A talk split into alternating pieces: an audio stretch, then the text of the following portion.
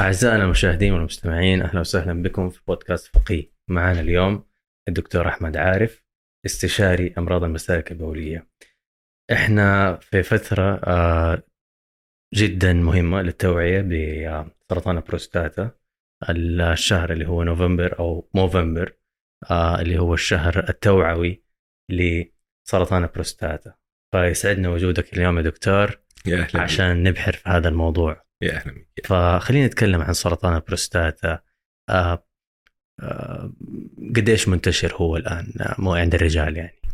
طيب هو اولا سرطان البروستاتا هو الورم رقم اثنين في الإصابة للرجال من الاورام السرطانية على عموم العالم ويمكن في المنطقة العربية يمكن يكون الورم رقم ثلاثة أو اثنين حسب النسب. النسب العالمية للإصابة بسرطان البروستاتا آه، مرتفعة جدا جدا. لكن بالنسبة للمنطقه العربية الدراسات البحثية آه، بت- بتشير إلى نسب أقل ربما من النسب العالمية. لكن مثلا في النسب العالمية تتراوح في نسبة 11% فما فوق من الرجال سيصابوا بسرطان البروستاتا. خلاص. ده حسب ال- آه، ال- الفئات العمرية اللي بيتم البحث فيها يعني. آه، لكن بالنسبة للمنطقة العربية تتراوح من آه، واحد إلى 3% بحد أقصى اللي ممكن معرضين للإصابة بسرطان البروستاتا طب إيش الفئة العمرية اللي بتتصاب الفئة العمرية الأكثر آه، فرصة للإصابة طبعا بسرطان البروستاتا هي الفئة العمرية ما فوق سن الستين سنة. هو سرطان البروستاتا عادة لا يصيب منهم أقل من سن 60 سنة إلا لو كانت هناك بعض العوامل الوراثية الموجودة عندهم مثل وجود آه، تاريخ مرضي أسري بسرطان البروستاتا بصورة مباشرة يعني الأب يكون مصاب بسرطان البروستاتا أو الأب والأعمام والجد مصابين بسرطان البروستاتا وبالتالي هيكون هنا فرصة أعلى بكثير للإصابة بسرطان البروستاتا وبننزل بالفئة العمرية المرجح إصابتها في الحالة ديت إلى عمر الخمسينات وليس ما بعد عمر الستين سنة. طيب لكن- دكتور بالنسبة لل screening آه. آه إيش الفحوصات المفروض الواحد يسويها عشان يكتشف آه، سرطان البروستاتا؟ ممتاز. السؤال ده مهم جدا جدا ليه بقى؟ لأن سرطان البروستاتا هو آه ورم خبيث صامت ليس له أعراض ولا تبدأ له أعراض إلا عند وصوله للمراحل الغير قابلة للعلاج. وبالتالي ال screening أو الفحوصات المفروض المريض أو مش هنسمي المريض بقى الإنسان الطبيعي يسو يسويها.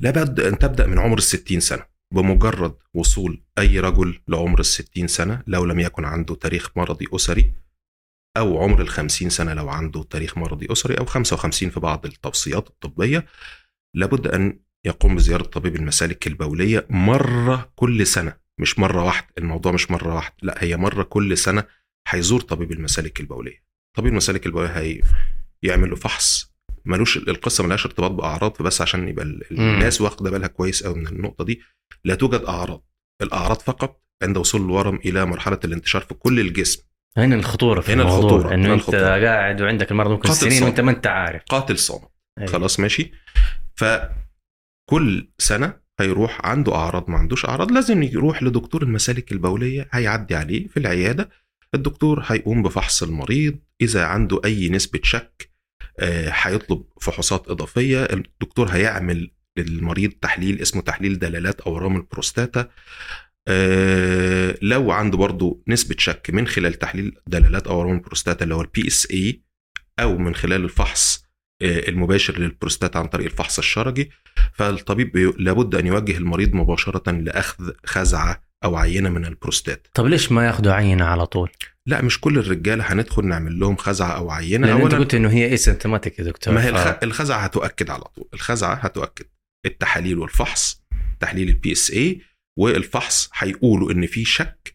الشك ده هيؤدي إلى أخذ خزعة. الخزعة هتؤكد وجود ورم طب سرطاني إيش أو علامات. الشك يا دكتور؟ علامات الشك علامات الشك. اولا طبعا بفحص البروستاتا وجود بؤر في البروستاتا أو عدم انتظام في سطحها عدم انتظام في الشكل بتاع البروستاتا أثناء فحص- فحصها. هي مش بالشكل هي بالإحساس لأن عن طريق فحص الشرجي فبيبقى عن طريق عدم وجود أو عدم انتظام السطح بتاع البروستاتا. مم. وجود بؤر أو nodules بنسميها يعني آه ظاهرة على سطح البروستاتا.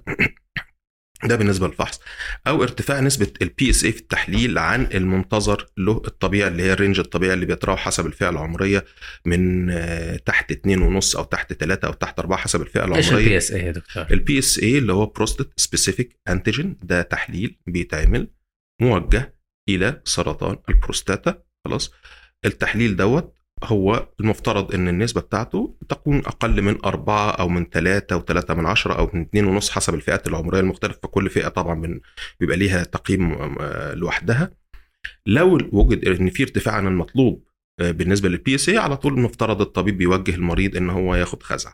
في أحيان ممكن يكون ال PSA ده مرتفع نتيجة التهابات. فلو الطبيب عنده شك إن في التهابات قبل ما بيوجه المريض لأخذ الخزعة بنطلب له رنين مغناطيسي على الأنسجة بتاعة البروستاتا والرنين المغناطيسي بيقيم شكل الأنسجة داخليا بتاعة البروستاتا. لو كان تقييم الرنين المغناطيسي إن هي آه، بال PI-RADS staging بتاعنا أو ال PI-RADS grades بتاعتها آه، عالي يعني أربعة أو خمسة لابد من أخذ خزعة. ثلاثة برضو ممكن يكون في شك وده هنربطه برضو بالرقم أو القيمة الرقمية اللي طلعت لنا لل PSA لكن لو التصنيف أو التوصيف بتاع الرنين المغناطيسي إن شكل الأنسجة حميد جدا جدا جدا آه، ممكن نأجل الخزعة شوية ونعيد مرة تانية التحليل بتاع دلالات البروستاتا آه، للمريض ونتابعه ونشوف. لو التحليل بتاع دلالات البروستاتا دوت برغم إن إحنا افترضنا إنه عنده التهاب وادينا له علاج للالتهاب دوت ما زال مستمر في الارتفاع يبقى لابد من أخذ خزعة. طيب خلاص. دكتور. ليه بن... عايزين نأجل الخزعة بقى؟ هي دي النقطة لأن هي بتؤخذ عن طريق الموجات الصوتية من خلال probe بيدخل من الشرج وإبرة بتدخل من خلال القناه الشرجية إلى البروستاتا حيث دي أقرب نقطة لينا للوصول لغدة البروستاتا. وبالتالي الوضع بيبقى مش ظريف بالنسبة للمريض وقد يكون هناك ألم برغم استعمال المخدر وكل حاجة آه، بس هل ال PSA كافي إنكم تكتشفوا إذا في سرطان أو لا؟ هو كافي في لو عدى عشرة خلاص ماشي إن إحنا نقول إن المريض بجد احتمال وجود السرطان عنده عالي جدا جدا جدا جدا خلاص ماشي ومن أربعة لعشرة هو كافي لوجود شك شديد في وجود سرطان البروستاتا وفي كل الأحوال في كل الأحوال أي ورم سرطاني عند علاجه لابد من أخذ خزعة عشان نقول إن في ورم سرطاني مم. لأن العلاج نفسه خلاص هو علاج بيغير ال lifestyle بتاع العيان بيغير في ال life quality بتاعت العيان آه، ممكن يكون له مضاعفات على المريض خلاص فما ينفعش إن إحنا نقول إن أنا هعالج المريض مباشرة يلا عشان أنا شكيت إن عنده سرطان في البروستاتا لابد أن يكون عندي يقين يقين من وجود سرطان البروستاتا عن طريق أخذ خزعة وتحليل الخزعة دي وتأكيد وجود خلايا سرطانية فيها ايا كان الوضع. طيب هل سرطان البروستاتا. من السر- السرطانات اللي صعب إنه يتم علاجها؟ يعني آه، لأنه أنا دائما أسمع إنه في سرطانات معينة عند اكتشافها بيكون علاجها أسهل من سرطانات أخرى. ممتاز. السؤال ممتاز جدا جدا.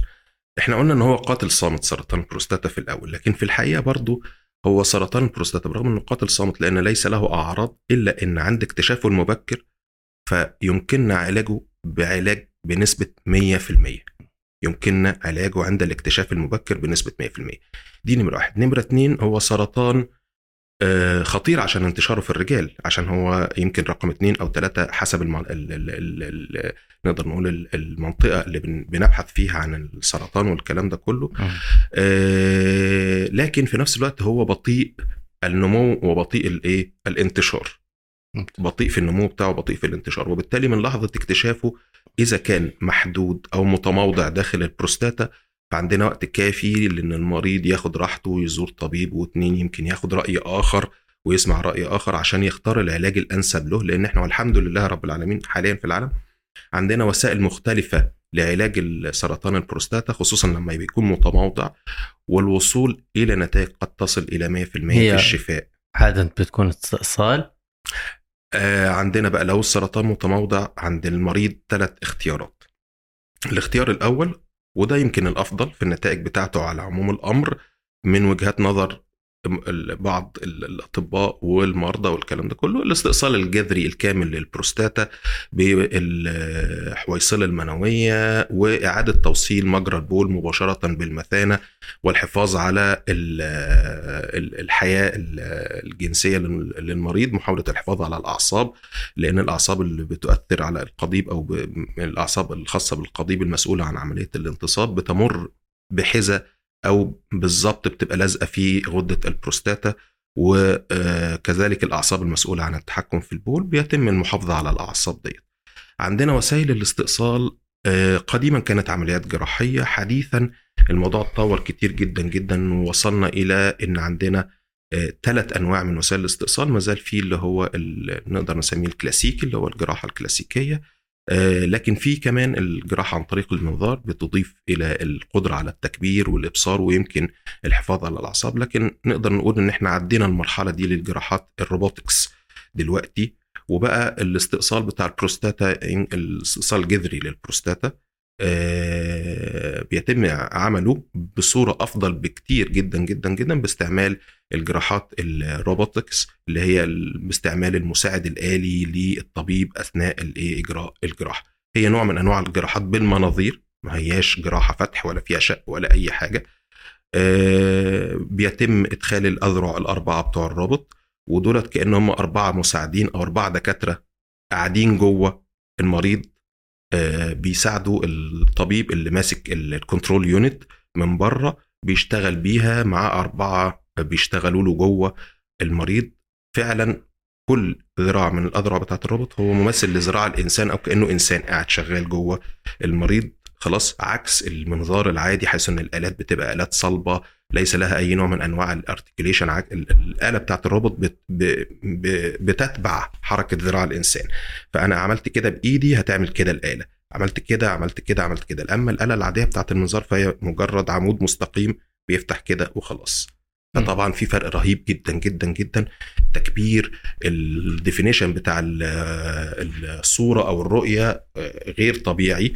الصورة ثلاثية الأبعاد آه، فكأن زي أنا قلت لك بالظبط هي كأن هناك أربعة جراحين عملنا لهم تصغير دخلنا لهم جوه بطن المريض خلاص. بيشتغلوا ميتيكولس مع كل نقطة بحيث إن هم يضمنوا استئصال جيد أو ممتاز للغده كاملة.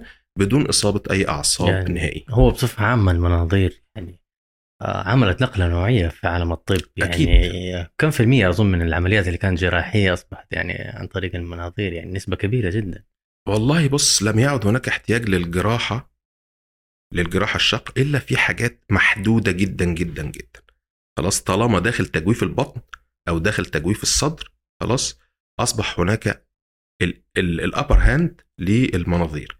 إلا في بعض العمليات اللي محتاجة مهارة معينة يفتقر إليها المنظار وإن. كانت الجراحات ال robotics بتأدي الغرض بتاع المهارة دي بس طبعا التكلفة بتاعتها وتوفرها لأن الروبوت جهاز تكلفته عالية جدا جدا وتكاليف صيانته عالية جدا وكل القطع اللي بيتم استعمالها المريض طبعا داخل بجهاز الروبوت كلها قطع ديسبوزبل يعني استعمال مرة واحدة فحسابات التكلفة المالية دايما بتخلي قصة التغطيه التأمينية أو التكاليف اللي هيصرفها المريض آه، على علاجه بالنوعية دي من الجراحة ما زالت محتاجة يمكن نقدر نقول آه، خمس لعشر سنوات مم. آه، كمان.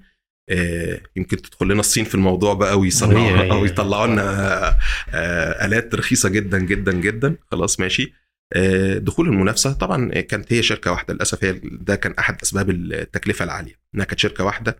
اللي بتنتج الروبوت مع حق ال- هي دافنشي؟ اللي هي ترى دافنشي دافنشي يا دكتور الأسبوع الجاي حنوقع معهم عقد والله ده أيوة، ممتاز أيوة. وخمسة دكاترة حي- تعلموا اوريدي عندهم ال- الخلفية في هذا الموضوع في آه. مستشفى فقيه تمام وحيصير في training في الموضوع ده. دكتور و... ده يعني ممتاز. ه- هذا يوم الأحد القادم هي شركة دافنشي طبعا دي الشركة الرائدة للجراحات ال robotics في العالم كله ويمكن السنة اللي فاتت أو اللي قبلها تقريبا خلصت حقوق الملكية الفكرية بتاعتها فبدأ في يمكن شركتين دخلوا في ال- ال- المجال لكن ما تزال هي طبعا الشركة أكيد الرائدة وأكيد عندهم آه، تطورات آه، منتظر منهم إن هم يعملوا تطوير أو miniature أكتر حتى نسميها يعني كمان للآلات آه، دقة أعلى للآلات والكلام ده كله. المستقبل المستقبل. أكيد لجراحات ال robotics خلاص مفيش كلام على القصة ديت. والحاضر في سرطان البروستاتا للجراحات ال robotics بالنسبة للاستئصال الجذري. آه، ده ياخدنا برضو لأن نرجع. طب أنا كمريض آه، ما بحبش أعمل عملية جراحية. أنا مش عايز أعمل عملية جراحية يا دكتور. أنا عايز آه، حاجة تانية. في بدائل للاستئصال الجذري في حالة إن السرطان يكون مازال متموضع داخل البروستاتا. أفضل البدائل للجراحة هي ال cryotherapy أو التبريد. آه، بتدي نتائج مشابهة للجراحة. آه، أعراض جانبية السبيكترم بتاعها قريب من الجراحة. آه، بدون عملية جراحية خالص هي بتبقى عن طريق إبر. بتدخل عن طريق منطقة العجان تحت السيطرة والرؤية المباشرة بالأشعة الموجات الصوتية بيتم تحديد الأهداف بتاعت الإبر دي. الأطراف بتاعت الإبر بتقوم بعملية تبريد للمنطقة إلى حد تكوين كرة من الثلج بحيث إن إحنا هنجمد الخلايا هنجمد فعلا الخلايا اللي موجودة في المنطقة دي تتجمد. أي خلية هتتجمد هتموت معروف.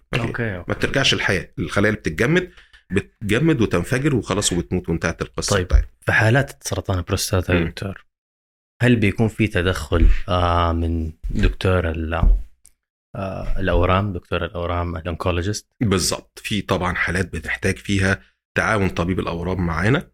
آه، خلينا نقول إن سرطان البروستاتا المتموضع الافضل له التدخلات الجراحية. إذا أصبح محدود الانتشار آه، خارج البروستاتا مجرد إن هو بس خرق الكبسولة أو القشرة الخارجية بتاعة البروستاتا أو انتشر آه، أكتر في الأنسجة المحيطة لا قدر الله أو وصل كمان إلى الأجزاء أخرى في الجسم اهمها طبعا للأسف العظام وبيصيب العظام ببؤر مختلفة آه، تؤدي إلى آلام عنيفة جدا في العظام قد تؤدي إلى كسور في العظام بيصيب الفقرات ويؤدي إلى كسور مباشرة في الفقرات. والإصابة بالشلل. عشان كده إحنا قلنا إن عند الشعور بأعراضه للأسف بتبقى خلاص it's game over ما فيش الأول ما تقول لي أنا أعراض هقول لك خلاص معلش أنا آسف it's game over آه، عندنا آه، طبيب الأورام بيساعدنا إن شاء الله رب العالمين بطريقتين. الطريقة الأولانية إن في آه، لو ما زال متموضع مش مش متموضع عفوا خرج مجرد القشرة الخارجية بتاعه البروستاتا بنستعمل العلاج الإشعاعي. م. وفي عندنا برضه نوعين من العلاج الإشعاعي. في نوع اللي هو اللي بنسميه ال brachytherapy ده علاج إشعاعي موضعي وفي عندنا النوع اللي هو العلاج الإشعاعي الكلاسيكي خالص اللي هو عن طريق الإشعاع الخارجي اللي ده خارج من خارج الجسم وبيوجه وبيركز على بؤر معينة في البروستاتا خلاص اللي هي المفترض إن البؤر المتواجد فيها الورم السرطاني ال brachytherapy برضو عن طريق إبر عن طريق العجان بتدخل برضو تحت التوجيه بتاع الموجات الصوتية بتحط حبيبات صغيرة فيها مواد مشعة.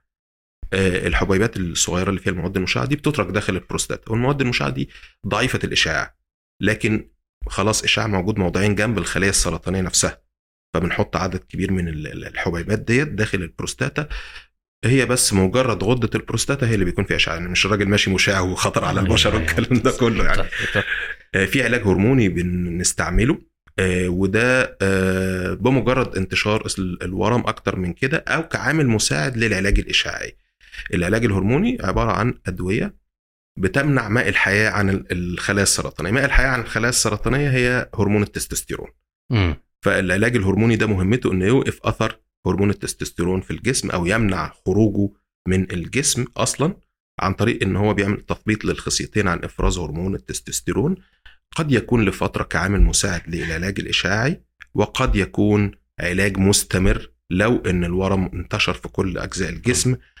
والحقيقة بيجيب نتائج جيدة جدا جدا جدا لكن عيبها إنها محدودة يمكن من ثلاث لخمس سنوات وبعد كده بتبدأ يحصل انتكاس للمريض. لكن هي فترة جيدة للمريض إن هو يقعد بدون وجود سرطان في جسمه.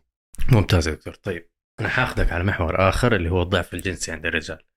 الموضوع ده طبعا جدا مهم عند كل الرجال. وما أدري هو أنا قريت زمان إنه هي منتشرة هي بين واحد من كل ثلاث رجال عنده ضعف أو أو erectile dysfunction يا دكتور؟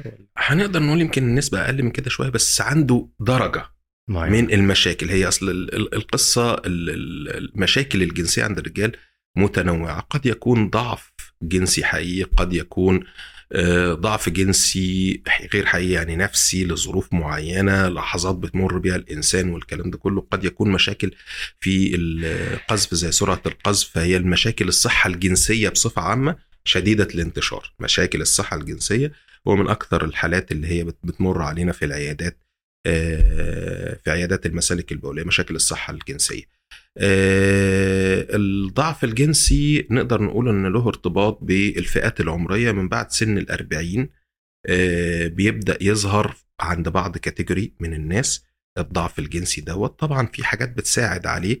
أكيد من بعد سن الستين بي- بيزيد ال- النسب بتاعت الضعف الجنسي وكل ما بيتقدم العمر بتزيد النسب. آه، لكن الإصابة بأمراض زي ال- السكر. السكر ده عدو الرجال. آه، الإصابة بأمراض زي الضغط عدو الرجال. كل المرضى اللي هم المصابين بالسكر نسبة كبيرة جدا جدا منهم بتتدهور صحتهم الجنسية. ليه؟ لأن السكر بيأثر على واحد اتنين تلاتة في الرجال. بيأثر على الأعصاب بصفة عامة وبالتالي من ضمنها الأعصاب بتاعة القضيب. بيأثر على الشرايين ومن ضمنها الشرايين بتاعة القضيب. بيأثر كمان على الأنسجة بتاعة القضيب بيفقدها ليونتها وبيفقدها قدرتها على إفراز المواد اللي بتساعد على حدوث الانتصاب وده برضه بيأثر على القضيب فبالتالي هنقول إن السكر بيهاجم الراجل من كل الاتجاهات. آه، فهو أحد يمكن أهم أسباب الضعف الجنسي يليه مرض الضغط يليه التصلب الشرايين اللي بيحصل على عموم الأمر مع آه، زيادة الدهون.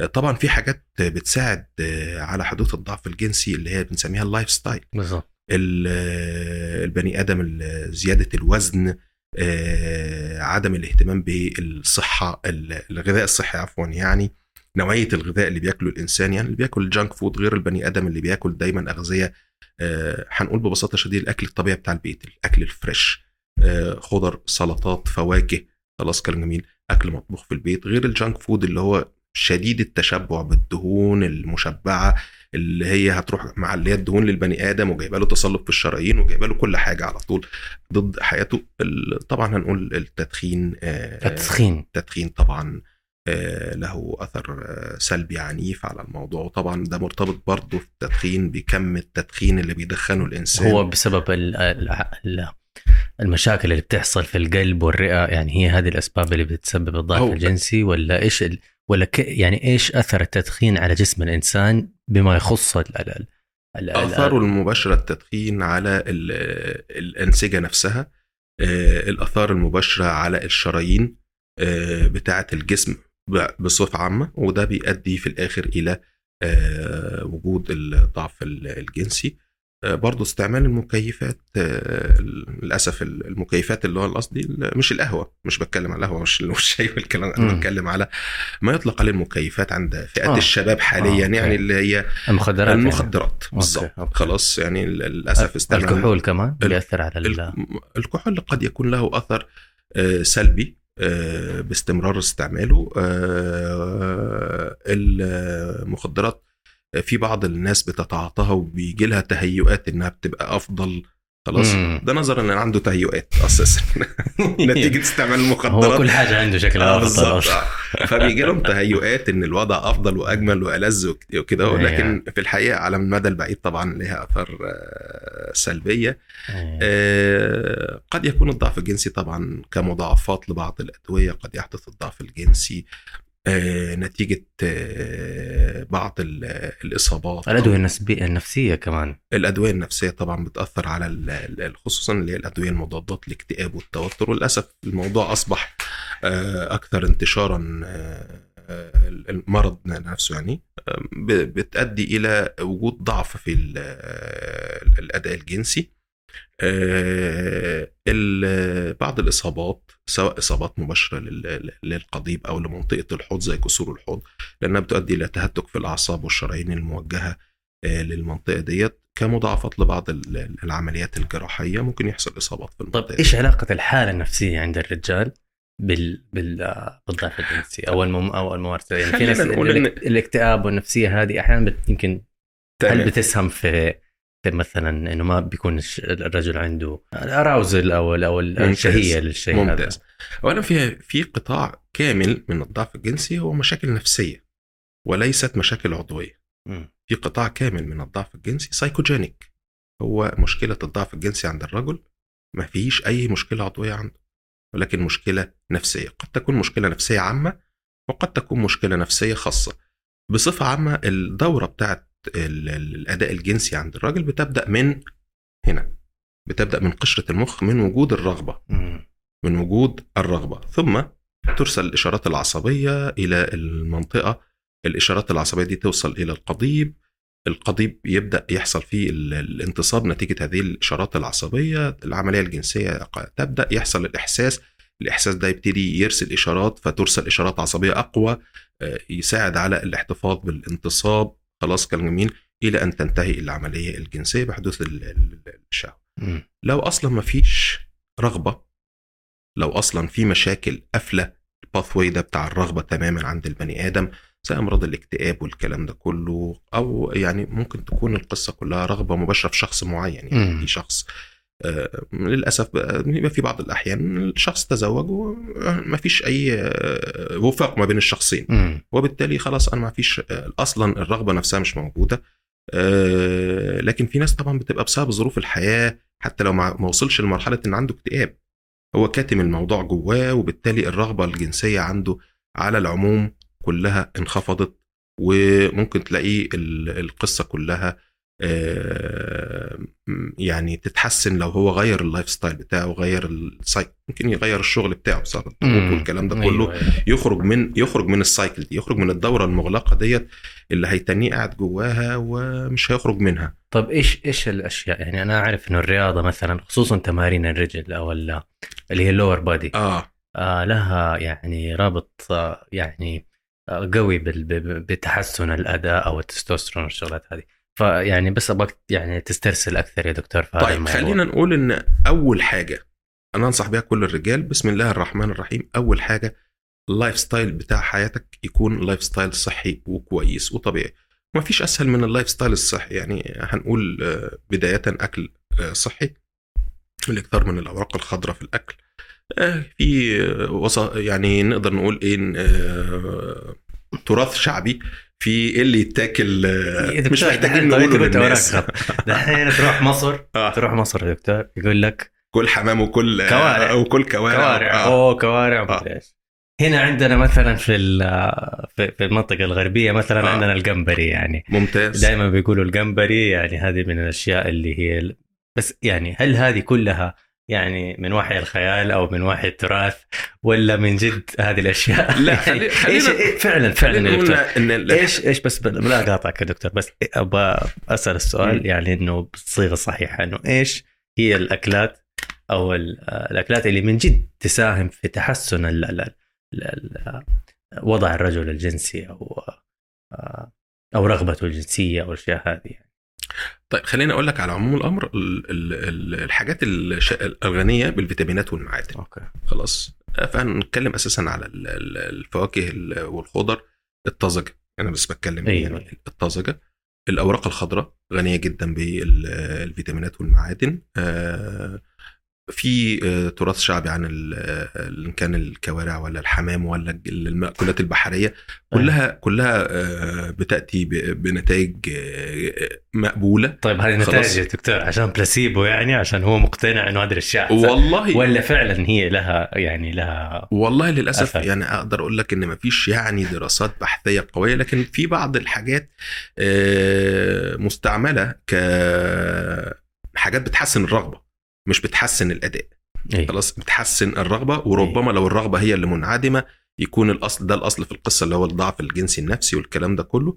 فال في بعض المستخلصات الطبية العشبيه مستعملة كوسائل لتحسين فعليا الرغبة كأدوية. بنستعملها لت- لتحسين الرغبة في حالة آه، إن الضعف ال- الرغبة مرتبط بالأداء النفسي والكلام ده كله. لكن إنها تزود إفراز الهرمون بتاع التستوستيرون والكلام ده كله لو الموضوع مرتبط بوجود اكتئاب عند المريض وده مؤدي إلى ارتفاع في بعض نسب المواد في الجسم مؤدية إلى انخفاض في نسبة التستوستيرون لابد من الرجوع لعلاج المشكلة يعني. طب بالنسبة لكن للرياضة الرياضة أيوة. آه هي دي بقى دي ده, ده الكلام المهم. الرياضة. اولا زي ما نهينا كده البعد برضه عن الدهون المشبعه في الأكل والكلام ده كله. الأكل آه، بتاعنا نبعد عن أي مكيفات أي حاجة. أي حاجة بتأثر عليا سلبيا أبعد عنها. آه، الرياضة الرياضة على عموم الأمر ممتازة. على عموم الأمر. خلاص ماشي. في بعض التمارين الرياضية اللي بتحسن سريان الدم في النصف السفلي أو نقدر نقول منطقة الحوض خلاص. ما بين التمارين على عموم الأمر التمارين النصف السفلي من الجسم تمارين ال- ال- البطن النصف السفلي من العضلات البطن والكلام ده كله. ما بين تمارين بقى مخصوصة اللي هي ال Kegel exercises اللي هي لعضلات منطقة العجان عشان تساعد على تحسين الدورة الدموية في. المكان دوت. معروف إن ممارسة الرياضة لما بتزود الحجم العضلي بتاعك بيبتدي تتسع الشرايين والشعرات الدموية وبيزيد سريان الدم في المنطقة يعني. بالظبط. فبالتالي أنا أي رياضة هعملها هيبقى فيه تحسن في الأداء بصفة عامة. بدل ما الواحد ينهج بعد دقيقتين ثلاثة لا يبقى عنده لسه فتنس يكمل له نص. ساعة. طبعا. ضروري ضروري يا دكتور. سبحان الله يعني في كل حلقة جلست فيها آه، ألاحظ قد إيش أهمية ال- التغذية والرياضة في في الوقاية بصفة عامة من ده أكيد. أغلب الأمراض طبعا في الجانب اللي هو الوراثي هذا الشيء ما هو في يد الإنسان بس بصفة عامة في أشياء كثيرة ممكن تساهم في إنك تخفض الكوليسترول تساهم في إنك انت بالظبط. تحاول قد ما تقدر إنك تبعد عن انه انه إنه يجي لك مثلا السكري بعد آه، بسبب lifestyle يعني في ناس يجيهم السكري بسبب وراثة مهما سوى مهما عمل عنده عنده سكري. يعني حتى لو كان في مجاهل أفريقيا من وهو طفل. وهي جيناته. إيوه آه، بالضبط. هيبدأ من وهو طفل. بس آه، إذا كنت إنسان ما عندك العامل الجيني ممكن بالرياضة وبالتغذية آه، تتفادى هذه المشكلة. ده أكيد طبعا. ده أكيد طبعا. آه، بس آه، حاخذك يا دكتور على محور أخير اللي هو قسم المسالك البولية في مستشفى الدكتور سليمان فقيه إيش يميز ال- القسم؟ طيب خلينا نقول أول حاجة إن إيه اللي يميز مستشفى سليمان فقيه على عموم الأمر وإيه اللي يميز بعد كده؟ اللي يميز مستشفى سليمان فقيه إنها مكان آه، موجه لجميع الخدمات الطبية للمريض. يعني من أول ما المريض بيدخل المستشفى إلى أن يخرج منها سيجد جميع الخدمات الطبية اللي محتاجها وبالتالي لما نيجي نقول الكلام ده وننزل بيه على مستوى قسم المسالك البولية هنقول كل الخدمات الطبية اللي قد يحتاجها المريض من لحظة دخوله للطبيب في العيادة إلى أن يخرج من العيادة هيكون اتوصف له كل الخدمات الطبية اتعملت كلها جوه المستشفى وده على أحدث نظام عالمي. أنا مش بتكلم على إن بس يعني عشان خاطر المستشفى لأ أحدث الأجهزة مم. متوفرة في المستشفى. من أول إن إحنا هنطلب لو احتاجنا ال- الرنين المغناطيسي آه، اللي هو الخاص على أنسجة البروستاتا لتمييز مثلا الخلايا بتاعتها إذا كانت تميل للشكل السرطاني أو كده أهو. آه، ال- الاشعات المقطعية بال- بالأنواع المختلفة بتاعتها ال- الفحوصات الخاصة بالمسالك البولية مثلا زي ديناميكيه التبول متوفرة في المستشفى الأجهزة الخاصة برضو بالتحفيز العصبي للمسالك البولية في بعض قطاعات الاضطرابات التبول الوظيفي متوفرة في المستشفى فأي حاجة سواء تشخيصية أو علاجية متوفرة للمريض. في المناظير عندنا برضو إحنا بنستعمل بالنسبة للمنظار الحالب المرن في عند التعامل مع حصوات الحالبين والكلى. إحنا بنستعمل منظار الحالب المرن اللي هو الديسبوزابل اللي هو استعمال مرة واحدة للمريض يعني المريض بيجي بنستعمل المنظار له بنخلص بنرميه في الزبالة. ما بيستعملش المريض تاني لا يتم تعقيمه. خلاص؟ فكل مريض المنظار بتاعه منظار جديد لنج. مفيش أي فرصة نهائيا لوجود التهابات في المسالك البولية. حديثا زي ما أنت قلت وأنا عارف برضه بالموضوع ده من فترة إضافة الروبوتك سيرجري عندنا في المستشفى ودي هتكون أول مستشفى خاصة في المملكة العربية السعودية ويمكن يمكن الثالث أو الرابع في بصفة عامة في ال- في ال- في ال- في المملكة العربية السعودية أو لا أو- في القطاع الخاص لا لا في. القطاع الخص الأول. لا لا لا, بس أنا بدات آه، أيوة. أنا بتكلم. لا لا لأن في آه الجهات البحثية حاجة وال- والقطاع الخاص بالضبط. حاجة الجهات البحثية اللي هي المستشفيات الجامعية والجهات البحثية الخاصة بها في اثنين أو ثلاثة يمكن موجودين لكن إن هنيجي نتكلم على القطاع الخاص لا يوجد في أي مستشفى في المملكة العربية وليست فقط في المنطقة الغربية آه، جهاز روبوت آه، ده طفرة رهيبة جدا جدا. في مرضى كانوا بيسافروا بره عشان خاطر ال- الجراحات ديت أو بيضطر إلى انتظار أدوار طويلة بالشهور وقد تصل إلى فترات أطول يعني لأنه عنده رغبة في إجراء الجراحة بالربط إحنا هيتوفر له. الموضوع دوت إن شاء الله رب العالمين في المستشفى. آه، عندنا كافة المناظير بتاعت المسالك البولية عندنا كافة المناظير اللي تخص الجراحات الخاصة بالاستئصال الحميد أو التعامل مع التضخم الحميد في البروستاتا. آه، من أول مثلا عندنا جهاز ال Rezum إحنا بتكلم على الحاجات المتقدمة يعني مش هتكلم على المناظير والاستئصال العادي بالمنظار والليزر والكلام ده كله already متوفر في المستشفى من زمن. لكن في السنتين اللي فاتوا تم إضافة حاجات زي ال Rezum وال UroLift اللي هو آه، بنتعامل تعامل محدود مع البروستاتا بدون استئصال بدون مضاعفات بدون مشاكل بتصيب المريض وفي نفس الوقت بنحسن له ال quality بتاعت التبول بتاعته والأعراض اللي عنده مباشرة عن طريق اللي هو ال Rezum اللي هو تدمير أنسجة البروستاتا باستعمال البخار. أو عن طريق ال- ال- ال UroLift اللي هو آه، عن طريق آه، ضغط الأنسجة بتاعة البروستاتا باستعمال إبر أو دبابيس يعني أو فتل وحاجات زي كده بتضغط وبتخلي يعني تنكمش الأنسجة المتضخمة بتاعة البروستاتا بما يقلل الضغط على مجرى البول ويجعل المريض قادر على التبول مباشرة بعد إيه خمس دقائق بالظبط. يعني يدخل المريض للدكتور يقول له أهلا وسهلا بحضرتك يلا هندخل أوضة العمليات عشان بس نعمل لك منظار صغير جدا جدا في خمس دقائق خلاص؟ المنظار ده بالظبط بالنسبة لليوروليفت في خمس دقائق بالنسبة للرزوم في سبع دقائق حقيقي مش بهزر. من لحظة ما بيدخل داخل المريض إلى أن يخرج المنظار من المريض. بنتكلم في خمس لسبع دقائق الشغلانة كلها والمريض بيخرج خلاص.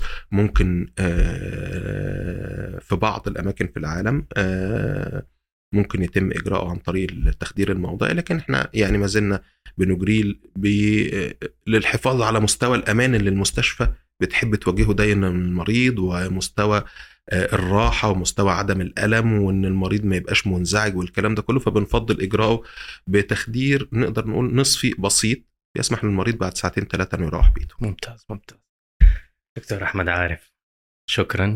أنا اللي شاكر ليك على الاستضافه وجودك صراحة يعني كانت حلقة مرة ممتعة. أنا اللي م- مستمع ولا طبعا نتاسف إحنا على التاخير اللي حصل. لا مفيش أي حاجة. آه بس آه في النهاية زي ما تقول كانت كانت مستاهلة يعني. في النهاية حلقة جميلة و... وإن شاء الله الناس يستفيدوا منها و... يا رب يا مساء الكريم. ولو في أي استفسارات ل... لينا للناس لأي حاجة بعد كده لاحقا إن شاء الله رب الله العالمين يخليك. يعني آه نقدر ن... ن... ن- نعيد حلقات حلقة تانية أو أيوه بالضبط آه لا ممكن ندخل آه، في في مواضيع تانية. أنا- الأطفال آه، آه، مسالك آه، مشاكل آه، مسالك آه. الأطفال. بالعكس اتكلم يعني في مواضيع مسالك وقت الاطفال ما تبغى يا دكتور إحنا تحت شديدة إحنا تحت. أمرك. آه. إحنا تحت أمرك. وقت ما تبغى إحنا تحت أمرك. بالعكس هذا شيء يسعدنا إن شاء الله الله يخليك. شكرا يا الله يخليك. الله يسلمك.